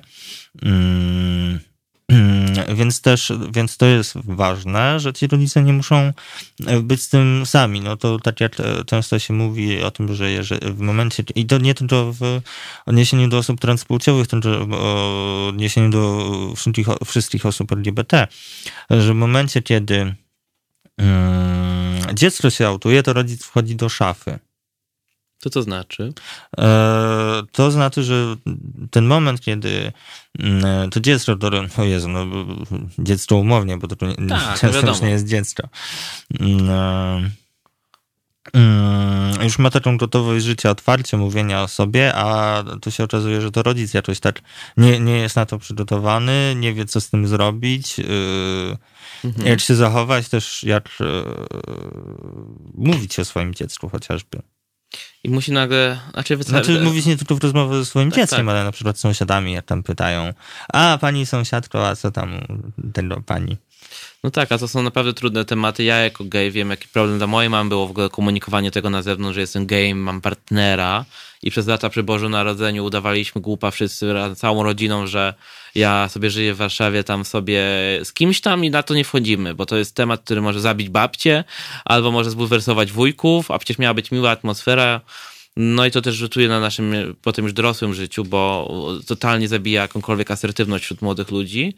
We mnie zabiło prawie całkowicie, dopiero się tego uczę, żeby asertywnie powiedzieć nie, mam chłopaka, nie, po prostu nie zgadzam się też czasami na coś, a lata takiego siedzenia i kiwania głową, bo nam ktoś tak kazał, naprawdę no, rodzą też mnóstwo różnych jeszcze innych kompleksów i innych niefajnych rzeczy. Więc wyobrażam sobie, że przy okazji osób transpłciowych te, to też jest problem po prostu. Tak, to jest, ja myślę, że to jest coś takiego, taka mm, ściąganie w dół przez rodziców jest czymś takim, co rozlewa się też na inne sfery życia i na inne mhm. relacje, bo gdzieś tam podkopuje jakąś pewność siebie, otwartość, yy, powiem tak trochę kolokwialnie, przebojowość. Yy, jakąś yy, poczucie, że można coś dla siebie wywalczyć, no bo jak ci rodzic mówi, że a się nie wychylaj. Tego nie rób, tam tego nie, rób. nie rób. Uważaj na siebie. Oj, uwa- jak ty uważaj, a tak się nie ubieraj. Tak. E, no i to na pewno nie pomaga. Tak, no to też jest coś, co podkopywać może samo takie nawet poczucie własnej autentyczności. No i plus to, że pokutuje ten, ten mit i myślenie, że ty sobie tak wymyśliłaś, wymyśliłeś, odmieni ci się, zmieni ci się, przejdzie ci się, e, ale nie przechodzi e, i często właśnie transpłciowe dzieciaki czy młodzież zostają sensami, bo rodzice są pełni niezrozumienia nie mają do kogo się zwrócić. I tutaj wtedy jest ta wielka rola organizacji pozarządowych, które zastępują państwo i wychodzą naprzeciw, próbują organizować, czy to nawet czasami terapie grupowe, czy po prostu spotkania. I tutaj też znowu odsyłamy do właśnie fundacji, organizacji, jaką jest Transfuzja, Lambda, która też pomaga osobom, które się te, też do organizacji w innych miastach, no bo pamiętajmy, że to, tak. to nie jest tak, że Osoby LGBT rodzą się w Warszawie. Tak. Warszawa tak ma, że tu się rodzą. Czasami wystarczy wpisać Marsz Równości, nazwa miasta i jak napiszecie na fanpage do takiej, to jest taki pomysł mój, żeby pisać w ten sposób. Ludzie czasami nie, nie znają nazw tych organizacji, nie wiedzą co wpisać. Piszcie Marsz Równości, nazwa miasta, na przykład tego miasta wojewódzkiego i zazwyczaj coś się pojawi, jak do nich napiszecie, to oni was już oddają do kogoś. To na pewno się tak zdarzy. Tak, i też bardzo dobrą rzeczą jest to, że właśnie organizacje inicjatywy LGBT pojawiają się w coraz mniejszych miastach. Dobrą też rzeczą jest to, że mm, osoby mogą liczyć na jakieś wsparcie i akceptację też w przestrzeni internetu, bo to przestrzeń internetu, która potrafi być straszna, potrafi być też bardzo ważna dla osób LGBT, e, jeśli chodzi o takie szukanie akceptacji, wsparcia, pomocy, e, różnorakiej zresztą. E, jest to jakaś taka przestrzeń, w której, zwłaszcza jeżeli, no nie wiem, wyobraźmy sobie taką młodą osobę, która jeszcze trochę nie ma jak się ruszyć ze swojego miejsce zamieszkania, w którym nie ma za dobrych warunków, no to internet... Y, Pozwala uciec od tych tak. rzeczy, które się dzieją w domu. Czy teraz jest chwila, w takim razie chwila przerwy, zostawiamy was z jinglem i za chwilę wracamy. Szanowni Państwo, czym innym jest namawianie ludzi do wzięcia udziału w wyborach, a czym innym jest wmawianie, szczególnie osobom starszym, że koronawirusa bać się już nie muszą mówi premier Mateusz Morawiecki. Mniej obawiamy się tego wirusa, tej epidemii i to jest dobre podejście, szanowni państwo, bo on jest w odwrocie. Już teraz nie trzeba się jego bać. Trzeba pójść na wybory tłumnie 12 lipca. Nie ma się już czego bać. Latem wirusy grypy i ten koronawirus też są słabsze. Dużo słabsze. Widać to już dzisiaj po sytuacji w Polsce. Spokojnie można iść na wybory. Te słowa są moim zdaniem niewyobrażalnym skandalem. Jaki przekaz trafi do starszych ludzi? Taki, że rząd poradził sobie z pandemią i że wirusem nie można już się zarazić, a jeśli już ktoś się zarazi, to przebieg tej choroby nie będzie tak ostry. Tymczasem tylko w środę 1 lipca potwierdzono w Polsce 382 nowe przypadki zakażenia COVID-19. Zmarło 14 kolejnych osób. W wieku od 66 do 97 lat. Czyli umierają w znaczącej większości właśnie seniorzy. Ci, do których premier mówi – Cieszę się, że coraz mniej obawiamy się, tego wirusa. tego wirusa, tej epidemii i to jest dobre podejście, szanowni państwo, bo on jest w odwrocie. Już teraz nie trzeba się jego bać. Trzeba pójść na wybory tłumnie 12 lipca lipca. Nie ma się już czego bać. Latem wirusy grypy i ten koronawirus też są słabsze. Dużo słabsze. Widać to już dzisiaj po sytuacji w Polsce. Spokojnie można iść na wybory. Kiedy widzę minę premiera mówiącego te słowa, kiedy słyszę ton jego głosu, to widzę przed oczami bankiera, który kilka lat temu mówił swoim klientom, żeby wzięli kredyt frankowy, bo znakomicie na tym wyjdą. Ten bankier wie, że kredyt we frankach to niesamowite ryzyko i że ten kredyt może wywrócić im życie do góry nogami. Ale bankier kieruje się swoim interesem, swoim zyskiem. Nie obchodzi go los klienta, którego zapewne już więcej na oczy nie zobaczy. Tekst spotu został napisany na podstawie artykułu redaktora Macieja Bąka z portalu bezprawnik.pl.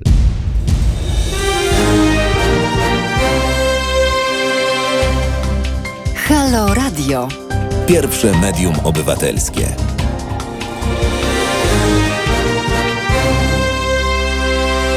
Wracamy do Państwa w naszym ostatnim już dzisiaj wejściu na antenę.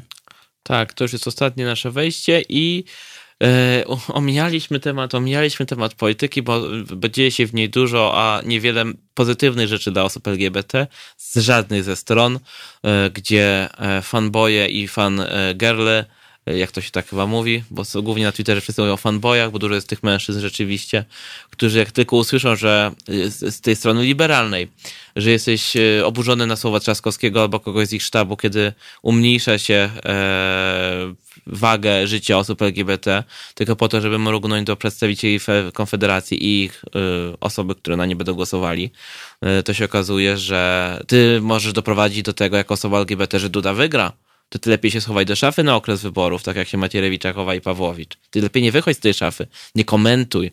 Ale to nie tylko ich też dotyczy, bo ostatnio moi znajomi też się na Facebooku ostatnio kłócą, e, bo jeden z nich mówi o tym, że ma już dosyć tej polskiej polityki i że generalnie ile można znosić takie zachowanie, czy, czy Trzaskowskiego, czy innych z jego sztabu, którzy mrugają namiętnie do przedstawicieli Konfederacji, E, a z drugiej strony mówią jeszcze takie słowa jak temat zastępczy. No, dawno już niesłyszany temat zastępczy to były lata 2013, 14 do 15.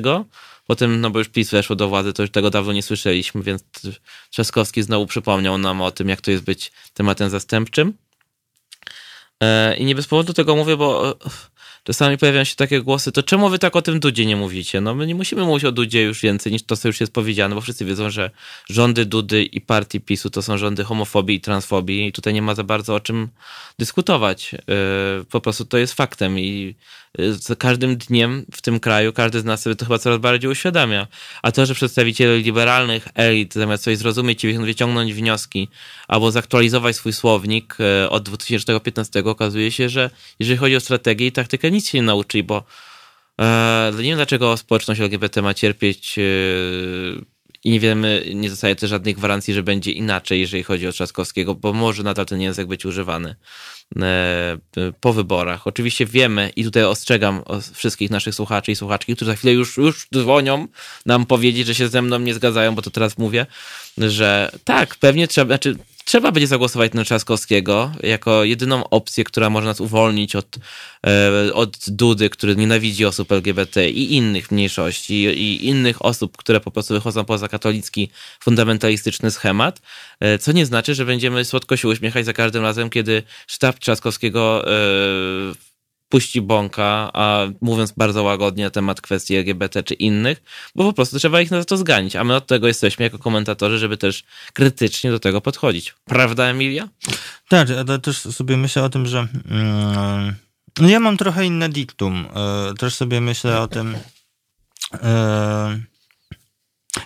patrzę na to jak w jakiejś mojej bańce, no ja mam jakąś swoją bańkę, ona jest dosyć mocno skręcona w lewo. Mm, e, Lewoskrętna. Tak, i bardzo krytyczna wobec wypowiedzi Trzaskowskiego, bardzo taka podejrzliwa i ta, taka łatwa do zniechęcenia. Mm, no i ja rozumiem oczywiście w pełni to, że to, co mówi Trzaskowski zniechęca, natomiast myślę sobie też o tym, myślę sobie o tym chociażby, co napisał ostatnio Radek Oliwa, Aha. z portalu twir.pl już w tytule mm, swojego artykułu na twir.pl stwierdzając, że nie czas żałować adopcji, gdy giną młodzi ludzie. Tu się z nim nie zgodziłem, ale to za chwilę. E, ja sobie myślę o tym, że też yy, o tym, przed jakim wyborem tak naprawdę stoimy, bo tak jak yy, możemy tutaj być jakoś krytycznie podchodzić do tego, co, czego się spodziewamy po Trzaskowskim, no to ja też już nieraz Państwu mówiłam, że ja na Trzaskowskiego teraz będę głosować nie tylko dlatego, że się czegoś po nim, jako po nim, jako potencjalnym prezydentem spodziewam, ale też myślę sobie o e, jakimś możliwym Mm, przestawieniu y, wajchy nastrojów społecznych, jeśli wygra. E, tak. I też, y, proszę Państwa, smutna prawda, no, znaczy ja nie mówię Państwu niczego, czego byście Państwo nie wiedzieli. Jakiś drugi y, Robert Biedroń, który będzie miał lepszy wynik, nie spadnie z nieba za 5 lat, bo potrzebujemy do tego gruntu, a zwycięstwo Andrzeja Dudy bardzo skutecznie może ten grunt wyjałowić, po prostu mm. obsiać takim Agent Orange, no ale tutaj nie mam absolutnie też żadnych wątpliwości, że podpisuję się pod tym, co mówisz. I każdy z nas, mam nadzieję, że zdaje z tego sprawę, co oznacza wygrana Dudy w wyborach, e, a co oznacza wygrana Trzaskowskiego, który e, no, może dużo zmienić, jeżeli o kwestię chodzi chociażby tego weta, które może wykorzystywać, o którym wspominaliśmy ostatnio, czy e, inicjatywy ustawodawczej, nawet symbolicznie, będzie mógł pokazywać, po czyjej stronie się pokazuje, ale Y, wydaje mi się, że dla części z nas, ludzi, którzy mocno przeżywają to, co się dzieje i lekroć no to takie uśmiechanie się do konfederatów i głosów od nich e, tuż po, po pierwszej turze jeszcze pamiętam jak ja sobie pomyślałem, teraz trzeba zamknąć oczy i wytrzymać do końca, do drugiej tury. Natomiast podgrzana atmosfera też przez Dudę, który nagle wymyślił sobie ten, tą, tą nowelizację konstytucji o, aspekt adopcji, które wiadomo, że nie, nie ma szansy w Sejmie, ale jest po to, żeby właśnie podgrać tę atmosferę, no i pomaga, a wypowiedzi tego kandydata również, w sensie nie mamy, nie mam takiej, takiego e, poczucia, że Trzaskowski stoi e, za nami w tej sytuacji, e, a jedynie mam wrażenie, że bardzo ogólnie mówi o tej tolerancji, szacunku które powinno mieć miejsce i tak też to widać w tym spocie, który niedawno tam wyszedł o którym mm -hmm, mówiliśmy. No, mm -hmm. To jest bardzo ogólnie. No i, i, i, no i niestety, no i znowu nie ma o nas wprost, bo trzeba nas schować do szafy na okres wyborów. No i mamy się zadowolić, że pozdro dla kumatych. No tak i, i, my, i, tak coś nam mam nadzieję, że nikt nam nie teraz nie powie za chwilę przez telefon, że wy musicie wytrzymać do drugiej tury. Halo, halo? Z kim, z kim rozmawiamy halo. i skąd? Halo, dobry wieczór. To, to halo, zaznaczy, halo, że mamy... E... Mhm. Anna, pozdrawiam z kolonii. Mhm. O, Tradycyjnie po raz tak. trzeci do Was dzwonię. Dzięki, cześć. Chciałam Wam teraz, nie mogłam sobie podarować. Już nie wiedziałem, czy Bożena, Pani tak. Bożena nie zadzwoni. Znamy Panią Bożenę bardzo miło i pozdrawiamy. Pozdrawiamy Panią Bożenę, tak. Ja też serdecznie Panią Bożenę pozdrawiam. Chciałam Wam strasznie podziękować za tę sugestię tego filmu. Bardzo ciekawie opowiadaliście się, dużo rzeczy się dowiedziałam. Także e, pomimo, że dostałam kartę wyborczą i szczęśliwie zagłosowałam, dzisiaj, e, to tak czy inaczej wybieram się do Polski, bo bilet już kupiony i pierwsze co zrobię, to wpadnę do multikina albo jakiegoś innego kina e, i obejrzę film. No to my bardzo gorąco polecamy i cieszymy się, że się udało z kartą wyborczą, bo ja pamiętam pani zapiekłość, żeby, tak. żeby tym razem się udało. Tak, tak. Chciałam serdecznie podziękować Rzecznikowi Praw Obywatelskich, który bardzo e, jego imienie, jego biuro interweniowało w mojej mhm. sprawie i rzeczywiście E, i rzeczywiście konsul był bardzo responsywny, także e, cieszę się też, że się udało. Mam nadzieję, że moja karta dotrze. Natomiast chciałam e, dorzucić swoje pięć groszy do motywacji tych jeszcze nieprzekonanych albo tych mhm. sceptycznie podchodzących, słuchajcie, do głosowania na Trzaskowskiego. Wydaje mi się, że, znaczy tak jak już było w radiu wielokrotnie to powiedziałam, to jest wybór cywilizacyjny. E, I tyle. Albo skręcimy na prawo, albo skręcimy na wschód, albo skręcimy na zachód. E, I oczywiście ja też nie jestem super fanką e, Rafała Trzaskowskiego, mam sporo zastrzeżeń, ale wydaje mi się, że, że nie mamy wyjścia, że to jest, że on nam przynajmniej daje szansę na, na zwrócenie się ku Unii Europejskiej, ku Zachodowi. Pamiętajmy też, co się stało dawno, dawno temu, jak startował prezydent Kwaśniewski. On też e, nie cieszył się dużym zaufaniem, było bardzo wiele sceptycznych głosów mówiących o tym, że to jest e, komuna, Natomiast myślę, że rozczarował pozytywnie bardzo wielu wyborców, pokazując, że jednak starał się być prezydentem wszystkich Polaków, a nie tylko opowiedzieć się za jedną stroną. Także ja bym, e, jestem pełna nadziei. Tak. Także idźmy i głosujmy. Pani Jano, dziękuję. Na dzisiaj już musimy kończyć, e, bo też zbliża się koniec naszej audycji, ale dziękuję za telefon. Dziękujemy i to jest też taki fajny akcent, z którym kończymy. Świetnie, bardzo się cieszę. Dziękujemy i do usłyszenia. Dziękuję, pozdrawiam. Pozdrawiamy i to jest to właśnie, z czym byśmy chcieli, że niezależnie od tego, jak bardzo jest źle, w sensie jest e, Duda, kandydat może nie jest najpiękniejszym, najwymarzonym, ale jest lepszą, dużo lepszą alternatywą, nie umniejszamy, jest dużo lepszą alternatywą. Jest alternatywą po prostu, tak? Zawsze to mógł być Tomasz Lis, pamiętajcie, to nie jest Tomasz Lis, e, który znany jest z bardzo ciekawych często poglądów takich, naprawdę, więc nie, cieszmy się, że jest Trzaskowski, że to nie jest Tomasz Lis. Tak sobie właśnie zacząłem wyobrażać, co by było, gdyby to był no Tomasz dobrze. Tam sobie wyobrażę, a ja Państwu jeszcze powiem tak, bo mm, ja już dzisiaj zaczęłam stać do wysokiego C a propos tego, że ja sama nie chcę być nielegalna, ale też mm, e, tak jak Julczowi napisałam w odpowiedzi na to, o tym mówił Bart na, na post Julcza a propos udziału w wyborach. Mm, ja jestem przyzwyczajona, proszę Państwa, żyjąc w Polsce do pewnego życia w cieniu, w takiej szarej strefie, jeśli nielegalności, to istotności, ważności, e, tego, czy moje sprawy są ważne, czy ktoś się w ogóle nimi zajmuje, czy ktoś obchodzą, czy to obchodzą jako w trend wyborczy i to taki homofobiczny, transfobiczny. Ja, proszę Państwa, bardzo tego nie lubię, to znaczy ja się do tego bardzo dobrze przystosowałam, bo nie miałam wyboru, natomiast równocześnie bardzo tego stanu rzeczy życia w cieniu nie lubię i nie chciałabym e, po wyborach 12 lipca obudzić się w jeszcze głębszym cieniu, w jeszcze większym mroku, a dla mnie e, i dla wielu innych osób LGBT tym właśnie, tą kwestią mm, rozstrzygnięcia takiej właśnie przyszłości są wybory 12 lipca. Ja tylko dodam od siebie, że ostatnio zadałem na, na swoim fanpage'u e, takie pytanie dotyczące tego, e, czy już wyjechałeś z Polski, a jeżeli tak, to gdzie, ewentualnie czy planujesz taki wyjazd. E, i podzieliłem się swoją refleksją na temat tego, że wiele osób po prostu wyjeżdża z Polski, bo po co mają się męczyć, a mamy jeszcze Unię Europejską, więc z tego korzystają. I pojawiło się tam obecnie, nad sprawdzam, jest 445 komentarzy. Ludzi, którzy po prostu piszą z różnych zakątków świata, przede wszystkim osób LGBT, którzy wyjechali tam rok temu, wyjechali e, wiele lat temu, albo dopiero planują ten wyjazd. To także dla nich głosujecie, bo być może zrobimy dla nich Polskę lepszą, taką, w której kiedy się pewnego dnia się obudzimy i będzie trochę lepiej. Na razie to są wybory prezydenckie, ale na pewno jest też wejście do wyborów parlamentarnych już za kilka lat. Także głosujemy też po to, żeby naszym wnukom, naszym dzieciom też się żyło w tej Polsce troszkę lepiej, bo to wiadomo, to jest prezydent, to nie jest premier, ale jest to jakieś polepszenie sytuacji. I z tym Państwa zostawiamy, ja tutaj nie ukrywam. To nie jest tak, że ja Państwa zachęcam do udziału w tych wyborach, e, tak licząc, e, nie, nie, nie chcąc wpływać na Państwa decyzje. Ja absolutnie chcę na Państwa decyzje wpływać, bo jakaś wulgarna dzisiaj będę. Boję się o swoją dupę. E, trochę może o, swo no, o swoje bezpieczeństwo. E, ja powiem Więc tak. ja Państwa zaganiam do tych wyborów, a nie tak, tylko zachęcam. Skorzystam też z okazji, że to są nasze ostatnie spotkania tuż przed wyborami, takich najważniej, takimi bardzo ważnymi, więc powiem tak, że dlatego pójdźmy wszyscy jednym głosem, jednym chórem i pozbądźmy się tego szkodnika z pałacu. Amen. A my tutaj Państwa z tym przekazem zostawiamy i teraz, proszę Państwa, oddajemy antenę.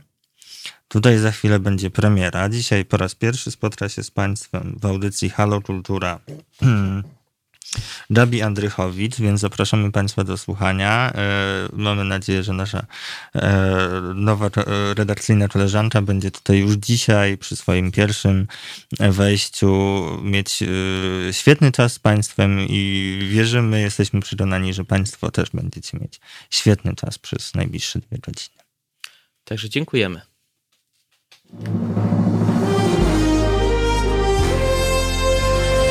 To proste. Żeby robić medium prawdziwie obywatelskie, potrzebujemy Państwa stałego wsparcia finansowego.